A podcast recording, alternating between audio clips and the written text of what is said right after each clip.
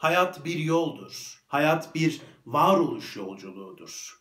Görünürde başı doğum, sonu ölüm olan bir yolculuktur hayat. Hani Friedrich Nietzsche diyor ya, doğduğunda senin önüne bir yol serilir. Ve de bu yol sana özel bir yoldur. Ve sen o yolda yürümelisin. Cesaretle ilerlemelisin. Eğer kendi yolunda yürümezsen o yol boş kalır. Kimsesiz kalır diyor Nietzsche. Çünkü bu yol sana özel verilmiş bir yol. Ve de bu yolda ilerlerken bana bu yol nereye varır diye de sorma diyor Nietzsche. Sadece yürü, sadece yürü, sadece ilerle. William Shakespeare de şöyle diyor. Olmak ya da olmamak. İşte bütün mesele bu. Shakespeare'in olmak dediği şeyle Nietzsche'nin kendi yolunda ilerlemek dediği şey aynı şeydir. Bu bir varoluştur. Bu bir oluş sorumluluğudur. Kendi yolunda ilerleme cesaretidir ve o yolda ilerlerken her zaman oluşu yaşamaya devam etmektir. Şimdi bu bir yolculuk değil mi? Hayat yolculuğu. Hiç mi düşmeyeceğim? Elbette düşebilirim. Hiç mi sıkıntılarla karşılaşmayacağım? Elbette karşılaşabilirim. Ama ben her seferinde her şeye rağmen oluş sorumluluğunu seçmeli ve de ilerlemeye devam etmeliyim. Düştüğümde kalkmayı bilmeliyim. Engellerle karşılaştığımda aşmayı bilmeliyim.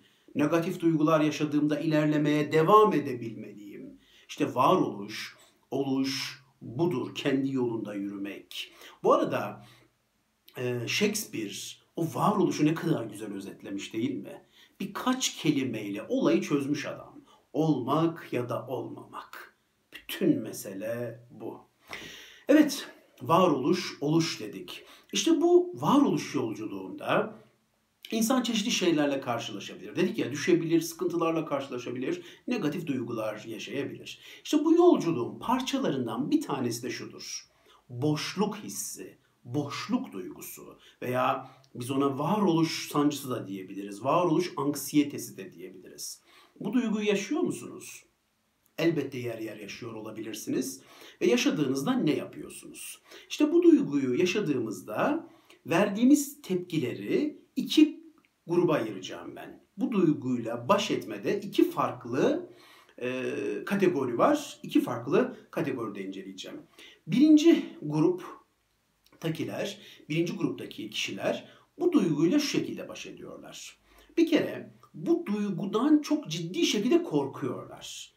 Boşluk hissini hiç yaşamak istemiyorlar ve azıcık dahi yaşadıklarında çok yoğun şekilde rahatsız oluyorlar ve de anında o duyguyu başlarından def etmeye çalışıyorlar ve de bu amaçla bir takım kompulsifçe eylemler yapabiliyorlar. İşte kompulsif cinsellik olabilir, kompulsif hep kalabalık, etrafını kalabalık tutma olabilir, kompulsifçe etkinlik yapma olabilir, kompulsifçe bir maddeye veya davranışa bağımlılık geliştirme olabilir. İşte bu kompulsif eylemlerle ve davranışlarla bu gruptaki, kategorideki kişiler o boşluk hissini hemencecik başlarından def etmeye çalışıyorlar. Ve de bu şekilde hızlı bir kurtulma olayı olduğu için belki de bu duygunun gelme sıklığı da artabiliyor. Ve de geldiğinde yaşanan yoğunluğu da artabiliyor. Diyelim ki kısa bir süre sonra tekrar geldi ve biraz daha yoğun geldi diyelim. Bu sefer o kompulsif eylemlerin yoğunluğunda da bir artış oluyor. Sonra tekrar geldi duygu, tekrar kompulsifçe eylemlerle onu kovma çabası. Tekrar geldi, tekrar kovma çabası. Bu şekilde bir kısır döngü oluşabiliyor. Bu tam anlamıyla bir tuzlu su içme muhabbetine benziyor. Tuzlu su içtikçe susuyor, susadıkça içiyor, içtikçe susuyor, susadıkça içiyor. Tabi bu durumda kişiler bu duygudan çok yoğun şekilde korkuyorlar çünkü çok kaçıyorlar. Çok kompulsifçe bir kaçış var burada. Hani Nazım Hikmet diyor ya, tavşan korktuğu için kaçmaz. Kaçtığı için korkar. Bakın çok önemli bir cümle. Tavşan kaçtığı için korkar. İşte burada kişiler çok yoğun şekilde kaçtıkları için çok yoğun şekilde korkuyorlar. Her kaçış korkuyu artırıyor. Her kaçış korkuyu artırıyor. Ve o duygu yaşandığında kişi o yoğun korkuyla beraber hızlıca o duyguyu başından kovmak için komplisçe bir takım davranışlar sergileyebiliyor. Bu e, boşluk hissiyle baş etmede e, kullanılan e, birinci kategori diyeyim, birinci yol diyeyim. Bir de boşluk hissiyle e, baş etmede bir başka kategori var. O da şu, bu gruptaki kişiler bir kere boşluk hissini kabul ediyorlar. Hani dedik ya bu bir yolculuk, bu bir yol diye. Bu gruptakiler diyorlar ki ben bir yolculuktayım, bir varoluş yolculuğu. Her şeyi yaşayabilirim, başıma her şey gelebilir. Boşluk hissi de bunlardan biridir. Yaşayabilirim diyorlar. Bir kere bu duyguyu kabul ediyorlar. Bu duyguyu kabul ettikleri için bu duyguyu yaşadıklarında çok yoğun korkular yaşamıyorlar. Kendilerini, hayatlarını bu duyguyla değerlendirme hatasına düşmüyorlar. Belki 180 defa söylemişimdir. 180 defa söylesem hiçbir mahzuru yok.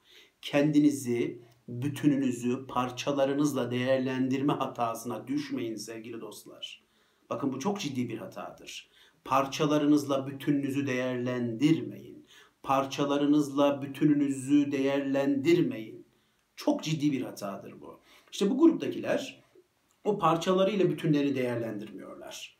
Bunu bir parça olarak görüyorlar. Diyorlar ki yolculuğumun içinde böyle bir duyguyu ara sıra yaşayabilirim.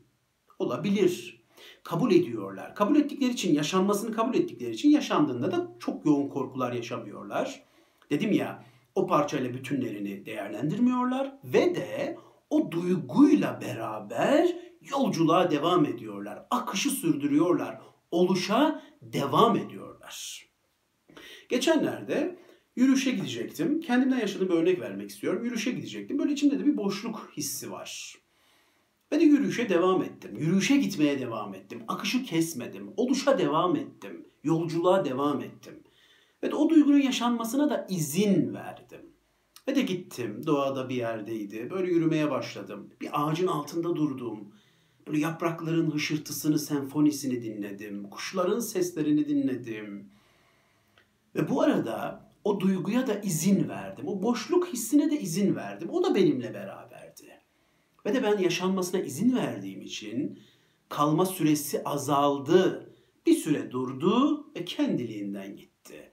O duygunun yerine bakın şunlar geldi. Dinginlik geldi, huzur geldi. Kainatla o bir olma hissini çok derin hissettim. Özgürlük duygusu geldi. Biraz daha, biraz daha güçlenme duygusu geldi. İşte bu kategoride bu duyguyla bu şekilde baş ediyor kişiler.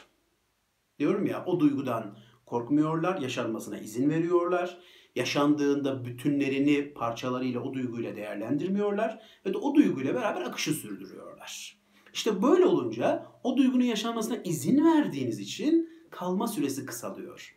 Ve yaşanıyor, gidiyor ve siz oluşa, akışa devam ediyorsunuz. Ve de artık o duygunun gelmesinden hiç korkmuyorsunuz arada sırada yaşanabileceğini kabul ediyorsunuz. Freud boşluk hissi hiç yaşamadı mı? Carl Gustav Jung, Montaigne, Nietzsche, Schopenhauer, Spinoza boşluk hissi ara sıra hiç yaşamadılar mı? Elbette yaşamışlardır. Ve de yaşadıklarında oluşu sürdürdüler. Akışa devam ettiler. Oluşun sorumluluğuyla ilerlediler. Ve belki de o boşluk hislerinden faydalanmayı bile bildiler. O boşluk anlarında iki dize şiir yazdılar. Bir şey karaladılar, bir şey ürettiler. Belki ondan faydalanmayı bile bildiler.